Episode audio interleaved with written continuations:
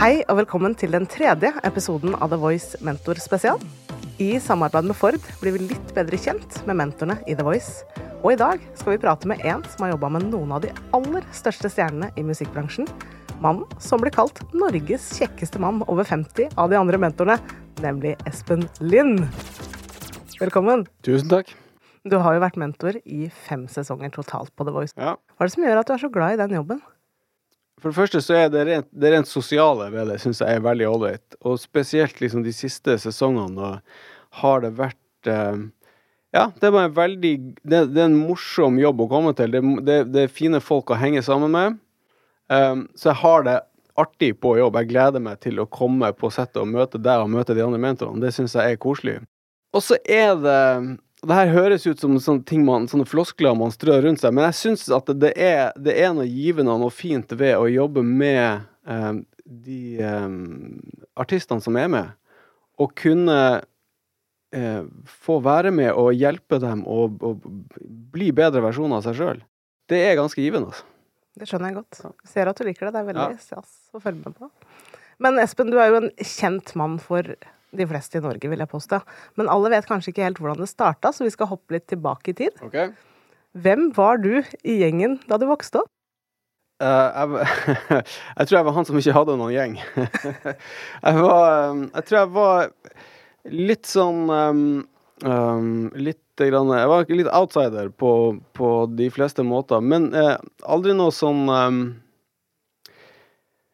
jeg vokste opp i, Jeg gikk på en skole, en barneskole og en ungdomsskole hvor det var med, egentlig utelukkende bra folk, men uh, det var et veldig sånn eh, fokus på typ sport, f.eks. Um, og, og, veldig Og jeg opplevde at jeg, det var ingen jeg kjente som delte min entusiasme for musikk. Så um, det, det, ble vel til at jeg var mye Jeg brukte mye tid for meg sjøl og, og satt inne på rommet og øvde på gitar og, og, Ja, i det hele tatt var litt sånn eh, Ikke en loner, men jeg, var, jeg hang mye for meg sjøl. Av, av, egen vilje, på en måte. Jeg var aldri, aldri noen mobbeoffer eller noe sånt, men jeg var litt på utsida. Hvor tidlig begynte du å bli interessert i musikk, da, og finne en tilhørighet til den? Eh, kjempetidlig, så tidlig jeg kan huske. Um, mine, noen av mine første minner er fra da jeg var sånn to-tre år gammel, og, og det ble spilt musikk hjemme, og jeg husker at jeg liksom ble å danse rundt på gulvet og, og mime til musikken.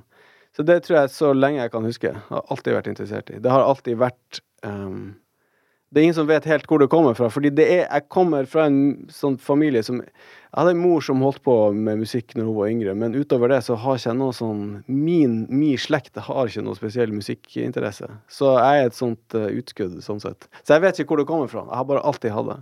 Hva slags musikk spilte dere hjemme?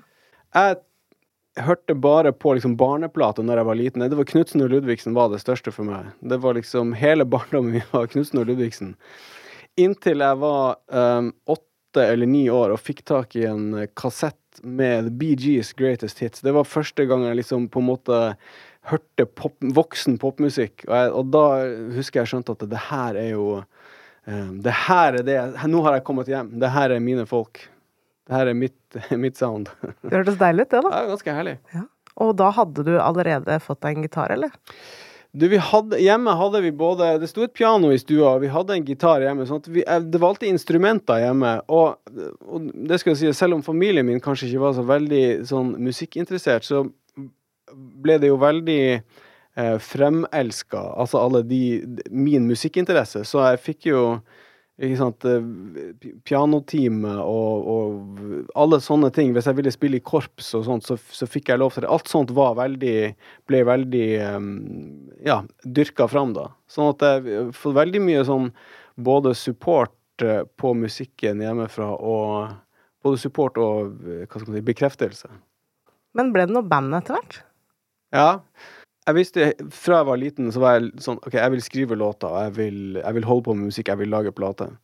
Og så, um, på, når, jeg, når, jeg, da kom i tenårene, så, så, skjønte jeg at den eneste måten å komme ut i verden på, um, er jo ved å spille i band. Var sånn, sånn var det da. Så jeg, jeg begynte å spille i sånne lokale band i, i Tromsø fra ja, sånn typ, jeg var sikkert sånn 14 år eller sånn, og spilte holdt på med det i masse år. Prøvde å Ja, vi skrev låter, prøvde å få platekontrakt. Gjorde hele den mølla der. Så er det sånn på The Voice at uh, selv om alle deltakerne våre er veldig dyktige, så er det jo ikke alle som går videre og avanserer. Noen får også nei. Mm. Og så sier dere jo ofte at uh, man får mange nei mm. før man får ja. Mm. Var det også tilfellet for deg sånn i starten, at du fikk mange nei? Absolutt. Um, jeg holdt jo på Altså når jeg begynte å sende inn demoer da, til plateselskap for å prøve å få en platekontrakt, da var jeg vel kanskje 14 år første gang. Og jeg brukte jo ti år og, og, og bare før jeg klarte å få en platekontrakt. Det var ti år med avslag. ikke sant? Så det er, jo, det er jo refusjon på refusjon på refusjon, og du får døra i trynet om igjen, om igjen, om igjen. Og det er liksom en del av det å skulle bli artist. Hvis du ikke har det i deg, hvis du ikke er motivert for å hvis du ser på ethvert avslag som et personlig nederlag, OK, så da er du dødsdømt. Du må se på det som at OK, det var én hindring til ute av veien. Hvis du skal prøve å bli artist, så er det Du kan se på det sånn. Hvis du vil bli artist, så har du mellom deg og verdenssuksessen din, hvis det er det ambisjonen din er, så er det et visst antall hindringer. Det kan være Og med hindringer så mener jeg et nei, et avslag, en kontrakt som blir revet i stykker. Det kan være at du må gjennom tre av dem, det kan være at du må gjennom ti av dem, det kan være at du må gjennom Du får 100 dører i trynet. Det tallet er på et eller annet vis forutbestemt. Den eneste måten å ta avslag på, er å tenke at ok, det var én til hindring ut av veien. Jeg er ett hakk nærmere målet mitt. Det er den eneste måten å deale med det på. Hvis du går i bakken og tar det personlig og tenker at fy faen, jeg stinker hver gang du gjør det, så har, da, da, er du ikke Da har du ikke det som trengs. Hva er det som gjorde at det løsna til slutt, da? For deg? Etter å ha kjempa og stanga i dører? Etter eh, ti år med å prøve å skaffe meg en platekontrakt, så fikk jeg til slutt da eh, kontrakt med, med Universal Music i Norge. Jeg var helt sikker på at den debutskiva mi, som jeg da allerede hadde, den hadde jeg spilt inn på forhånd for egne midler. Jeg var helt sikker på at den kom til å bli kjempesvær.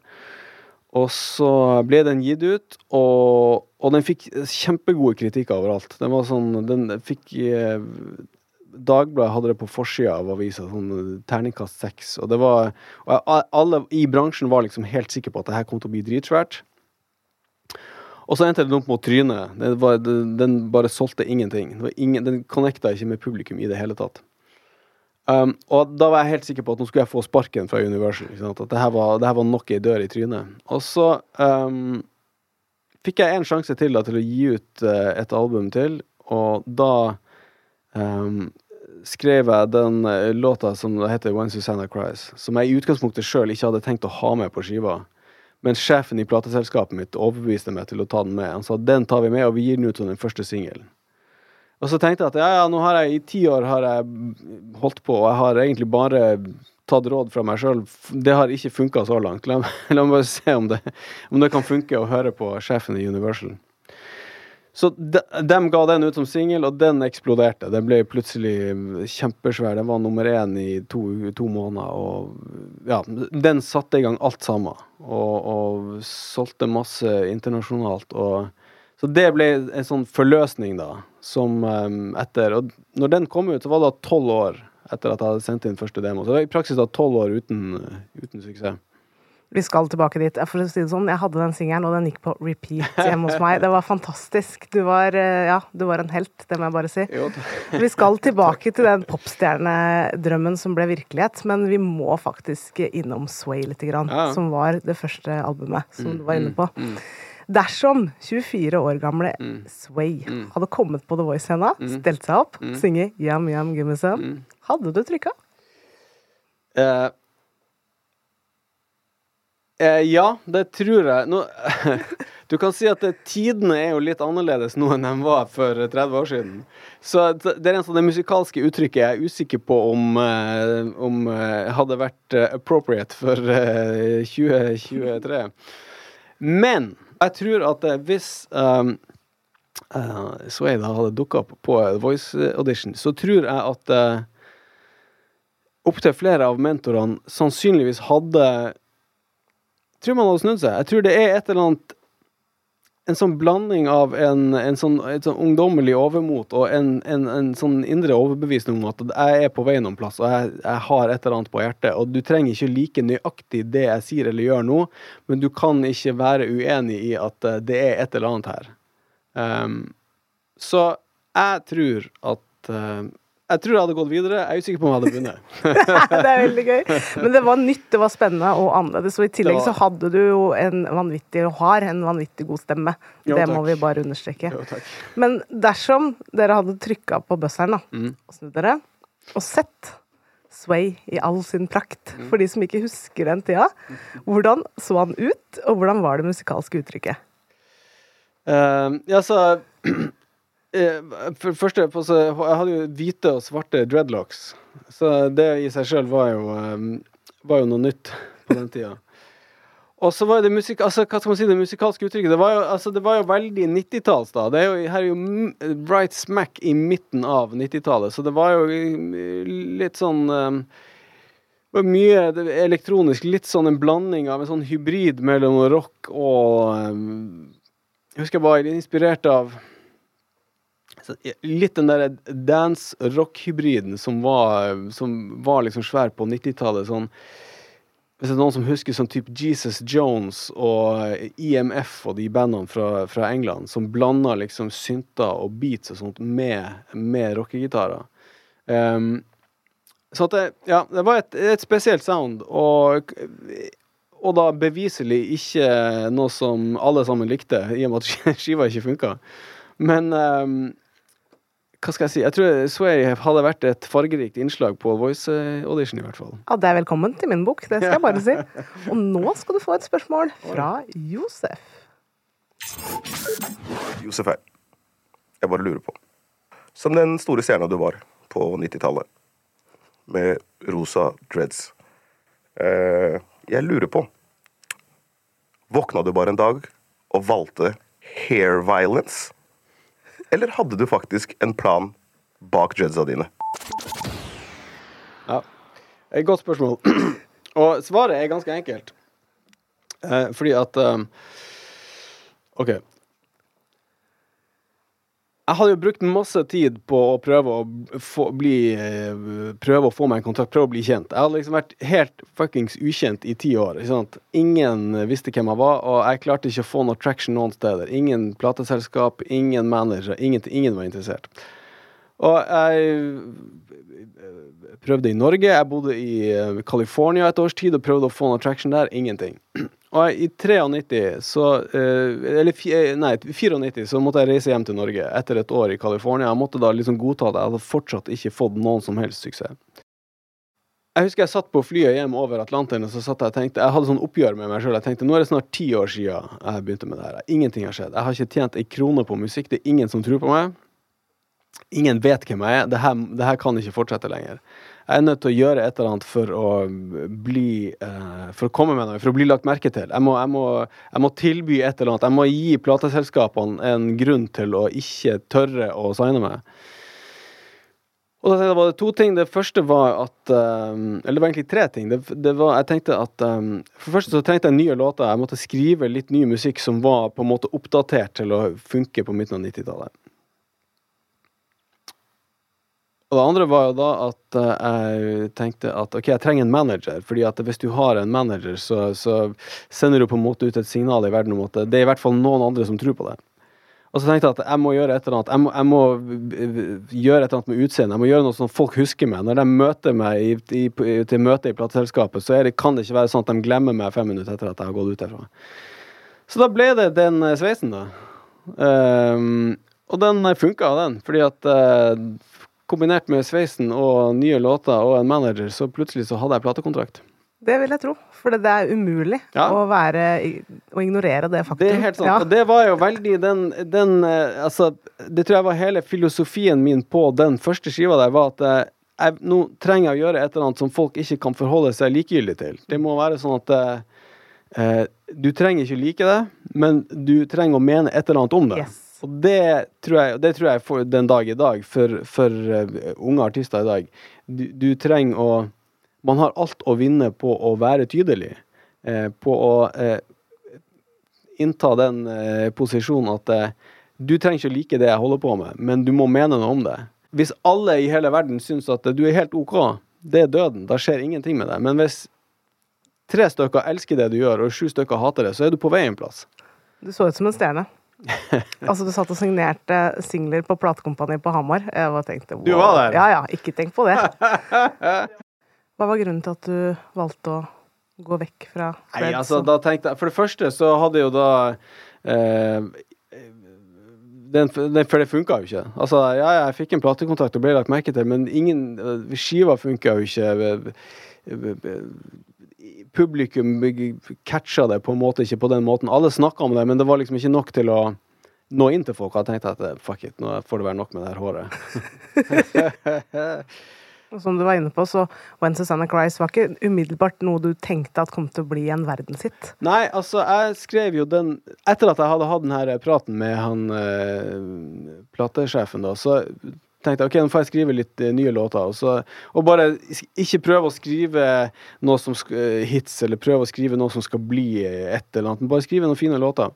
Og en av de aller første låtene som dukka opp, det var den. Men, men, den kom liksom veldig fort. Den kom på typ ti minutter. Og jeg, jeg, tenkte at OK, den her er fin, men, men jeg var i en sånn uh, overgangsfase i mitt eget hode. Jeg visste liksom ikke helt hvor jeg var på vei henne. Og jeg tenkte at OK, det her er ikke helt det jeg kanskje jeg hadde sett for meg at jeg skulle gi ut sjøl.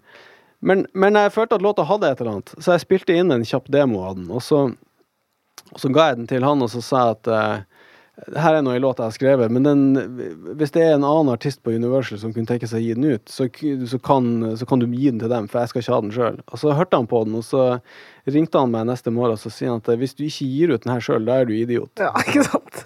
Kloke ord. Ja, ikke sant. For her, den, den, her kan jo gi deg det gjennombruddet du, du er ute etter. Så da tenkte jeg jeg får høre på han, da. Topp ti elleve land snakker vel for seg sjøl? Ja, det, den funka, den. altså. Den gjorde det. Ja. Men det ble jo mer eller mindre stjerne over natta, altså popstjerne. Mm. Skikkelig. Og på den tida så var det det var svært. Ja. Det var, du kunne vel ikke gå så mange steder uten at noen kjente deg igjen? Nei, akkurat da var det jo svært.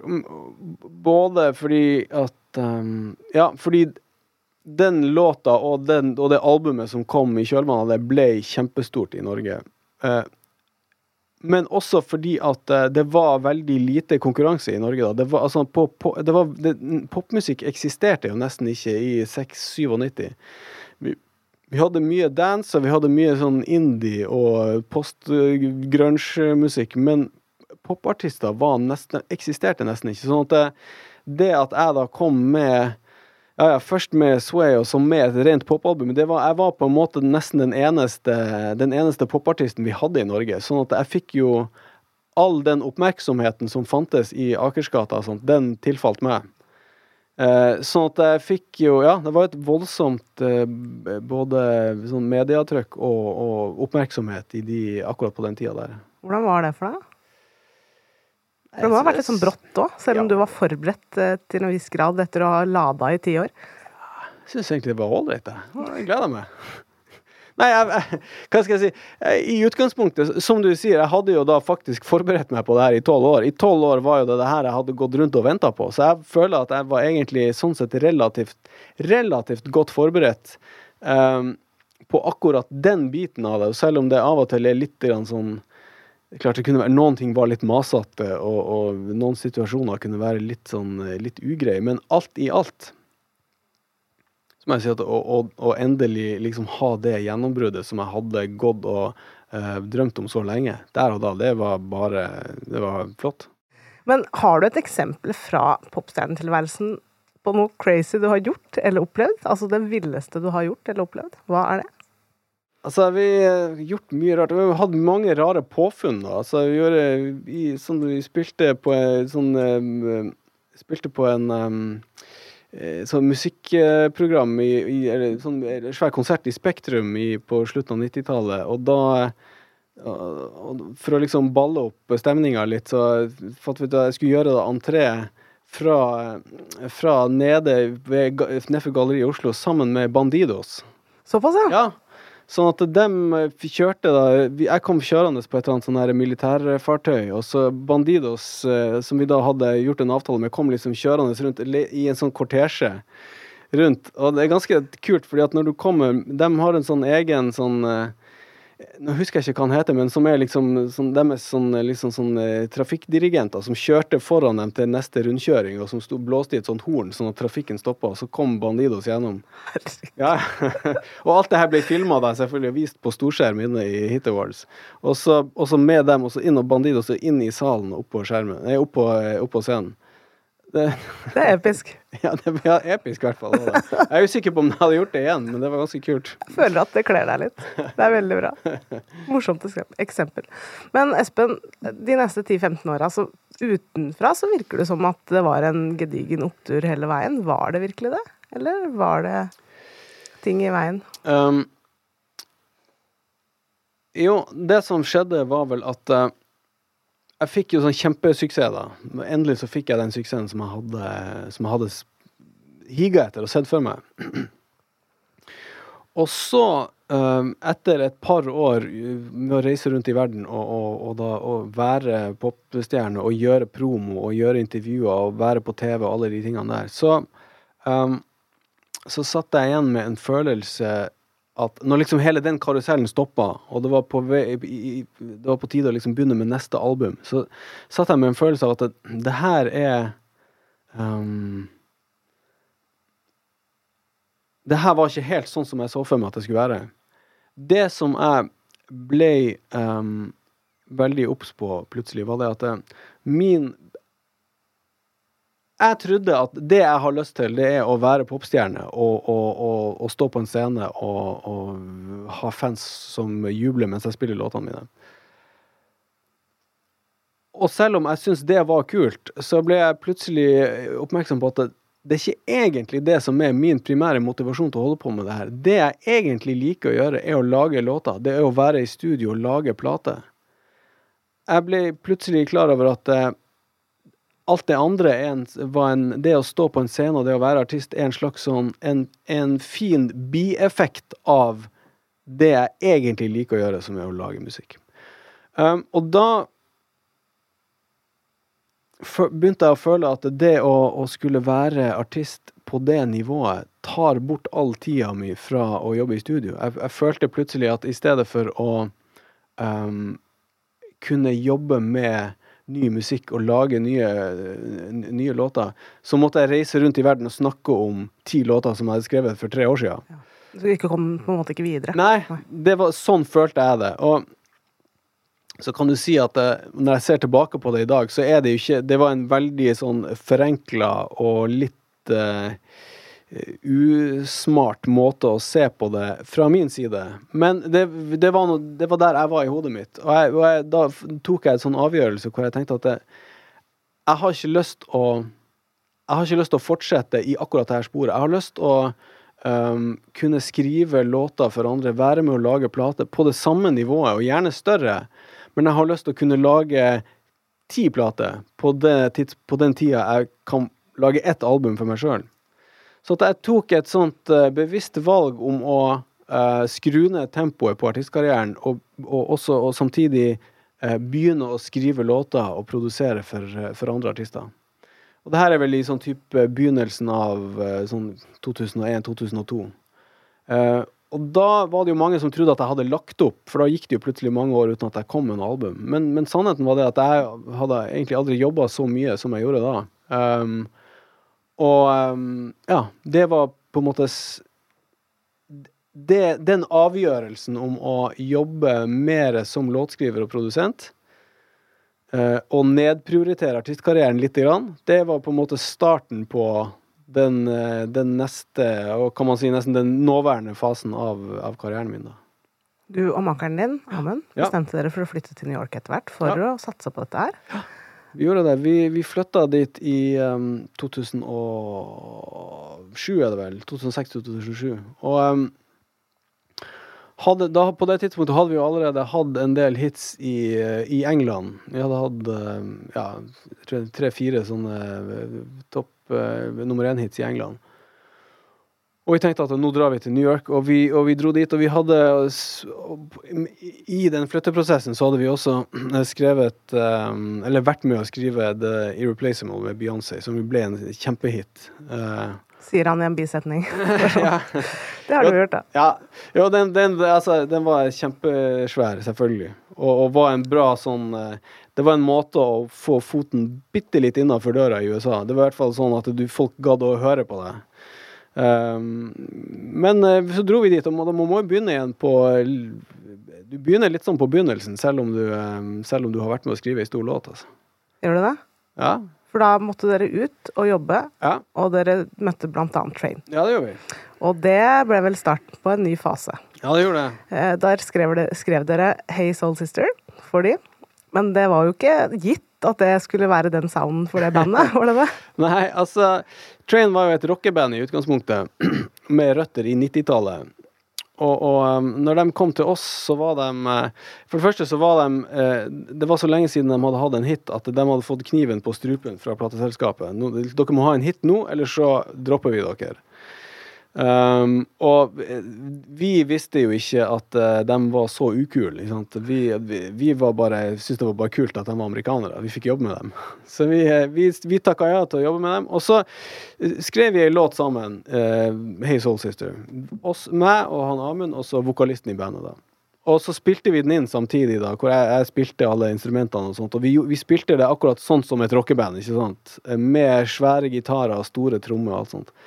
Og så på slutten av dagen så satt vi og hørte gjennom låta, og så satt både jeg og Amund og følte at det, her er nesten, men ikke helt. Det er et eller annet som skurrer her. Det her, eh, det her kunne vært Det ligger an til storhet, men allikevel så er det ikke mer enn en eh, firer på terningen. Og så, så, så var det Amund sitt forslag til hvor han sa da, gå og hent ukulela. Og så eh, var jeg litt sånn motvillig i utgangspunktet, for jeg tenkte at vi kommer bare til å fornærme det her amerikanske rockebandet hvis vi kommer med ukulele. Men, eh, men, jeg, men, jeg, men jeg henta det nå. Og da hadde jeg nettopp hatt en hit i Norge med 'Scared of Heights'. Så den lå på en måte klar. Og så henta jeg den, og så, begynte så spilte jeg Hey Soul Sister da uten rockekomp, men bare med ukulele. Og så ba jeg han eh, vokalisten om å synge, synge låta oppå. Og da hørte vi med en gang at ok, det her er jo Aner ikke om det er en hit, men det er et eller annet. Det er jævla tydelig. Og han, Pat, vokalisten, han digga det. Vi sendte det til eh, Sony Records i New York, og morgenen etterpå så ringte han eh, sjefen i Sony opp i studio, og så sier jeg Ja, hei, likte du låta? sier jeg. Så sier han bare What the fuck is this ukulele shit? This is horrible! Han sa, liksom, hva, hvordan, hva skal jeg gjøre med det her? Han var ikke noe fan. han var ikke noe fan, men han så ikke humoren i det engang. Han var bare irritert. Han hadde kasta bort liksom penger og på bare sette oss i studio sammen. Og, liksom, hva skal jeg gjøre med det her? En fuckings låt med ukulele og en, liksom, en has-been av en vokalist. Hva, det her er, det, this is worthless. Heldigvis for oss så hadde Train akkurat skifta management. Deres nye management Eller deres management var eh, en fyr som heter Jonathan Daniels, som har masse Panic at the Disco og masse av de svære bandene. Og han hadde nok tyngde til å bare si Vet du hva, bandet liker denne låta, vi liker denne låta, vi gir den ut som singel. Og så den kom ut, og så brukte da et år på å klatre oppover listen. Men til slutt så var den eh, Så var den eh, endte den på topp tre i USA, og har eh, Altså, det er en av de mest solgte låtene i historien. Det er ekstremt imponerende. Ja, det, Det er det, veldig det, er i hvert fall en gøy, artig Veldig gøy. Ukulelen redda dagen, altså. Du, altså, jeg skal ikke kimse av ukulele. Verdens eh, lystigste instrument. Ja, det er veldig koselig. Amund han mener at eh, han, eh, han har vurdert seriøst liksom å Ikke seriøst, men han har vurdert å, å, investere i en Å betale en fyr til å gå bak han gjennom hele livet, to meter bak han og bare spille ukulele. For da er det alltid god stemning. Jeg syns det høres ut som en god plan. Ja. Du kan vurdere det når du blir pensjonist. ja. Men som du var inne på, dere har skrevet for Beyoncé, Taylor Swift, Jennifer Hudson, for å nevne noen. Altså, dere har hatt fire låter på topp ti på Billboard. Det er ganske imponerende, altså. Jo, takk. Når du hører på det, Ja. de tallene, de tingene du har oppnådd, hva tenker du da? Um, at, jeg tenker både at um, Det er en sånn blanding av at uh, OK, det er en blanding av at OK, jeg, det gikk bra. Jeg, jeg klarte meg.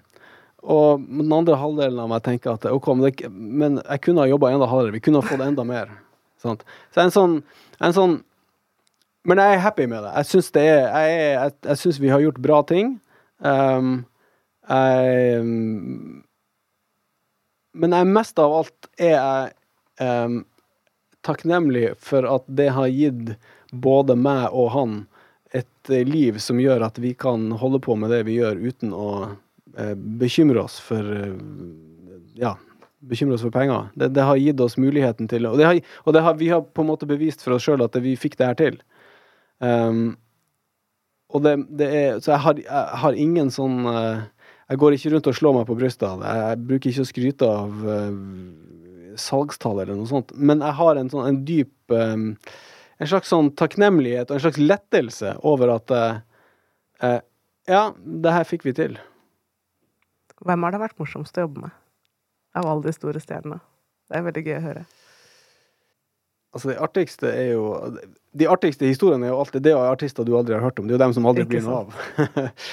Men eh, Nei, altså, hva skal jeg si? Det har vært um, Å jobbe med de største artistene er Det er artig ofte fordi du får innblikk i en verden som er bare helt uh, annerledes. Uh, altså, vi uh, jobba med Bruno Mars, og det jobba med han var Vi hadde én dag i studio med han, og det var å få Altså, han Kisen er så talentfull at det er helt uh, latterlig. Så bare få se det på nært hold. Um, så hva skal jeg si Jo, altså Taylor Swift det var artig å få. Vi hadde tre dager med henne i studio. Altså null stress. Hun er akkurat sånn som du ser i intervjuene. Bare jævla ålreit. Nedpå. Ingen uh, nykker eller noe som helst. Og mm, superflink. Men samtidig så, så, merker du jo bare at det, rundt henne så er det et sånt, et sånt, enormt apparat som er i sving for å bare holde Taylor Swift AS i gang. Sånn at det, du, man sitter inne i, stu, inne i, kontrollrommet i studio, vi, vi to og hun, og, og, jobber, og der inne er det ro. Men så på utsida ikke sant, så er det liksom, så er det helt kaos. Da er, da er det, det er management, og det er sikkerhetsfirma, og det er alskens greier. Så det er, ja, det er artig å få, å få, å få et innblikk i en sånn verden som vi andre ikke har noe forhold til. Spennende. Nå skal du få et spørsmål fra en annen stjerne. Ok. Kjære Espen Lind, eh, dette er Ine Wroldsen, og jeg har et spørsmål. Spørsmålet er Hvilken av de eh, låtene som du har levert til andre enn deg sjøl, er du mest stolt over å ha skrevet og vært involvert i? Ja, det er jo um, Fordi det man er mest stolt av å ha vært involvert i, det betyr ikke nødvendigvis det som er størst.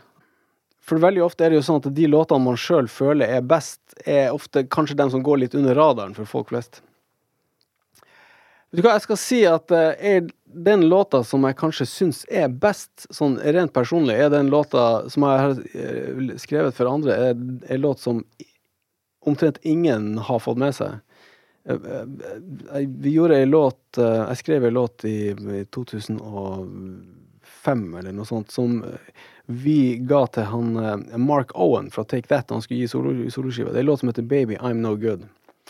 Og den må jeg si at den, den har aldri gjort noe som helst ut av seg. Forsvant eh, Sank som et anker.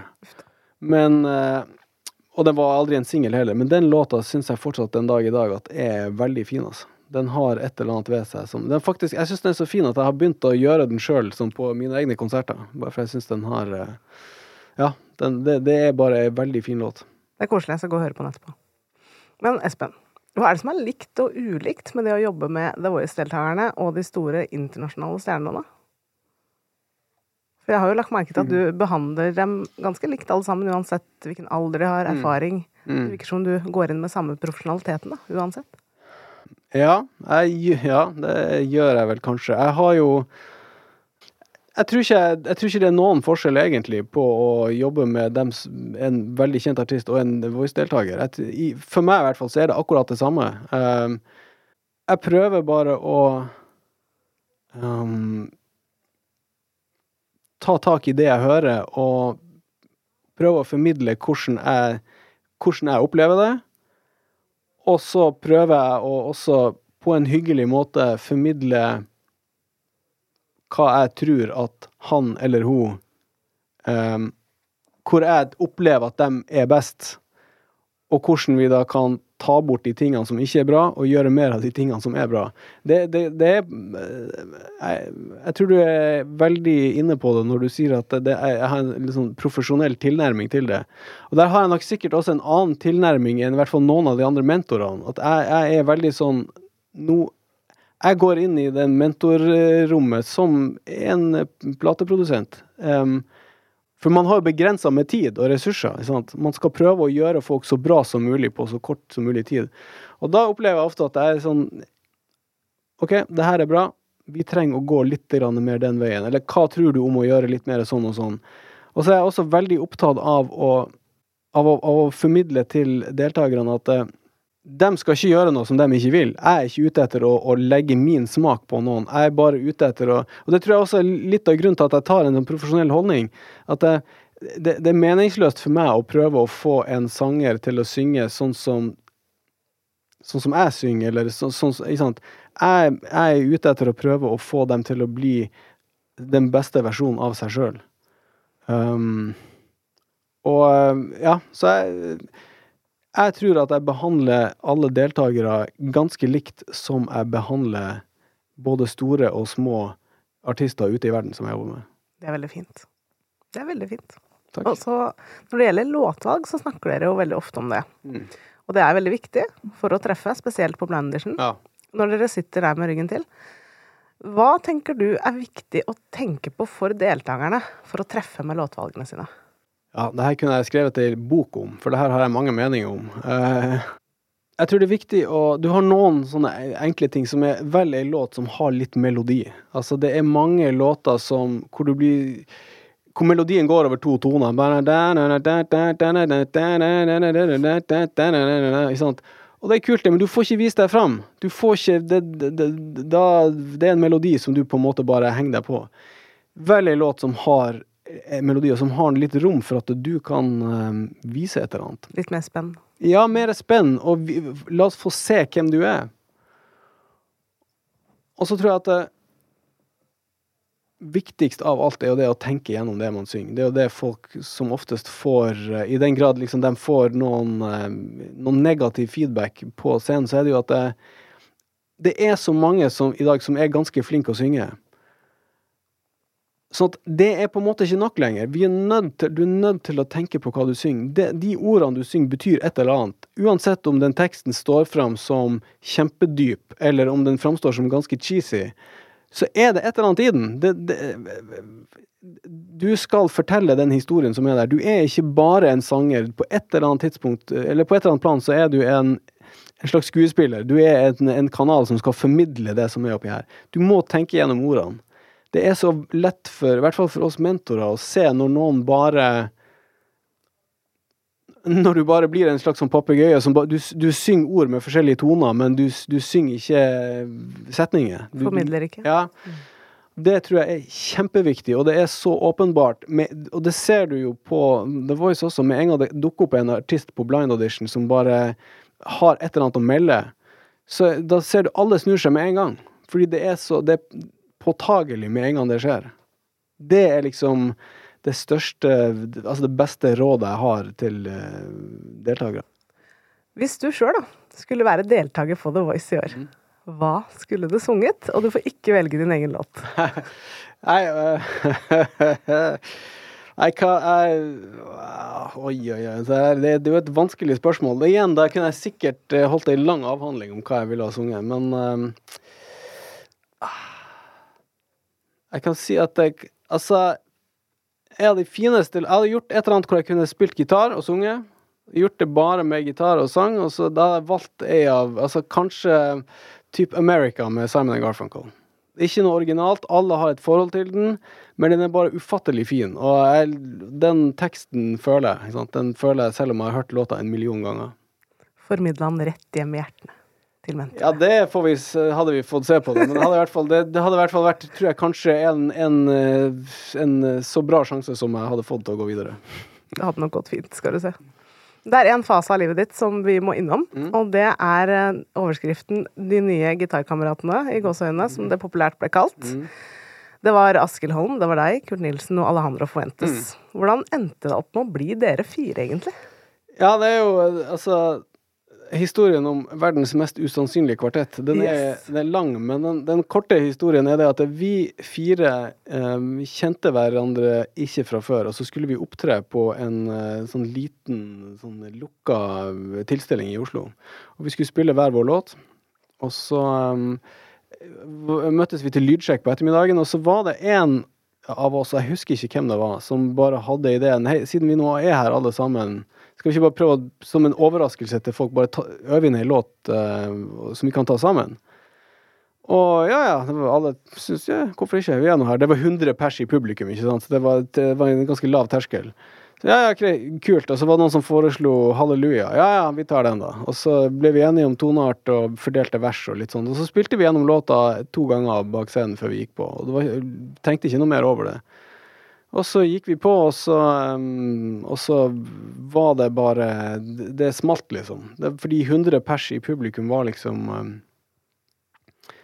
Nå har jeg møtt ganske mye flere enn 100 pers som sier at de var til stede den dagen, så, det, så noen av dem ljuger. Men, uh, men i hvert fall ryktene om den opptredenen begynte å bre seg ut i bransjen, da, og Skavlan ringte og sa at dere må komme og spille på showet mitt. Og så begynte konsertarrangører fra rundt omkring i Norge begynte å ringe oss, for de trodde at vi hadde blitt et band. Så, i det hele tatt, så sånn starta det. Og da var det egentlig bare å eh, liksom si ja, OK, la oss prøve, da. For da var det egentlig bare for gøy, da? Ja, ja, ja, altså, altså virkelig.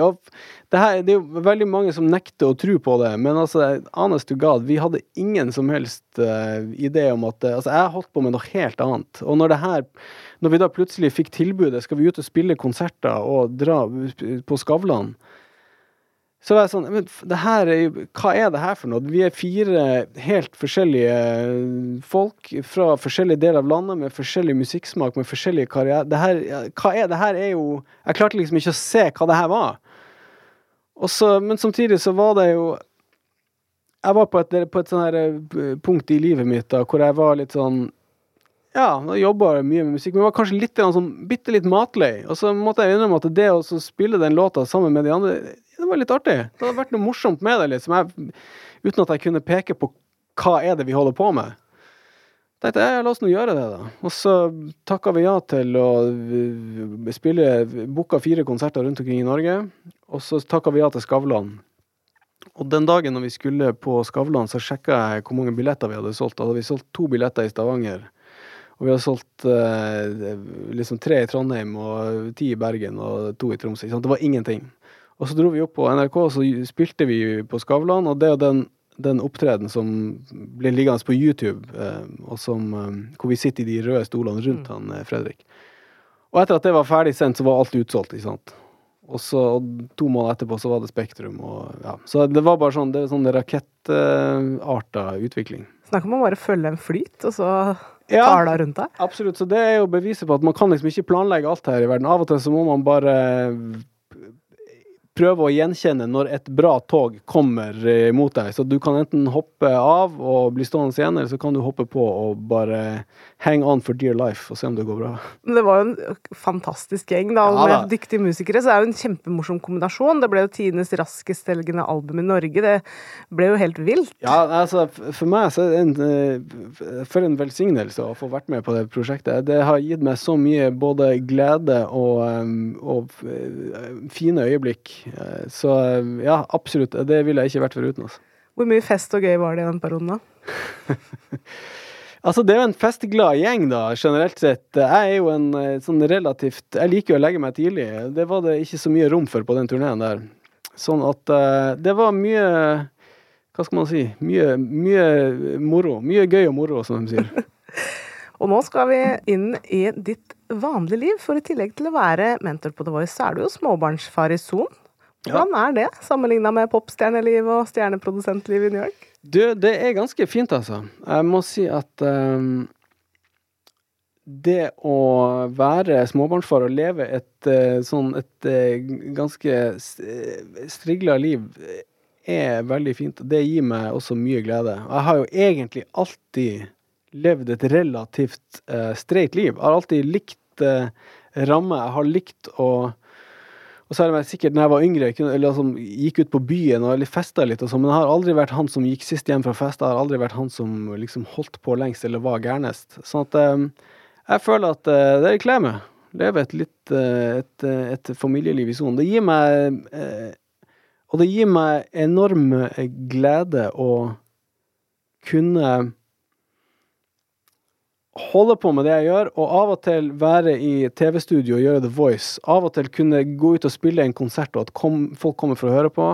Av og til dra i studio med en svær artist og jobbe med dem, men så kunne pakke sammen igjen og gå hjem etterpå og være hjemme sammen med kona mi og sønnen min og bare være Leve et skikkelig streit A4-liv. Det er en um, For meg, som i så mange år levde litt her og litt der, og levde et mye mer ustrukturert liv enn det jeg kanskje egentlig hadde lyst til, så er det veldig fint, altså. Og i den forbindelse med det A4-livet ditt, så har du fått et spørsmål fra vår nye venn Jarle. Ok. Espen Lind, min venn. Hjemme hos deg i Casa de Lind, er det, når du skal ta ut søppelet, er det høyden på søppelberget, eller er det lukta som bestemmer når du skal gå ut med søppelet? Altså, jeg går ut med søppelet ganske regelmessig, altså. Jeg føler at jeg kommer um, jeg tømmer søpla på en ganske regelmessig basis. Jeg føler at, jeg tipper at der har jeg mer til felles med Ina kanskje enn andre musikere. Å ja, du er en ryddig-type? Jeg er på ingen måte helt over i det altså nesten sosiopatiske nivået hennes. Men, men, men, men jeg, kan, jeg, kan, identifisere meg med hennes eh, ønske om å ha ting ryddig og rent rundt seg. Men har du og din kjære samme terskel på det punktet der? Eh, jeg, altså, jeg har nok kanskje et litt eh, Jeg har nok kanskje et enda litt større ønske om å ha det ryddig rundt meg, selv om hun er ikke noe slask, hun heller, altså. Men uh, ulempen med å ha barn er jo det at det er en del sånne standarder som bare må senkes. Yes. Så før vi fikk barn, så var det veldig ryddig og streit og strigla hjemme hos oss, og nå er det jeg føler at jeg, av og til at man, man, svømmer imot en sånn der eh, Man svømmer mot tidevannet. sant? Prøver bare å holde, holde, det tilbake. Og det er Ja, det er jo få ting som får deg til å kjenne at du lever mer enn når du står opp om natta for å hente et glass vann du trør på en legokloss.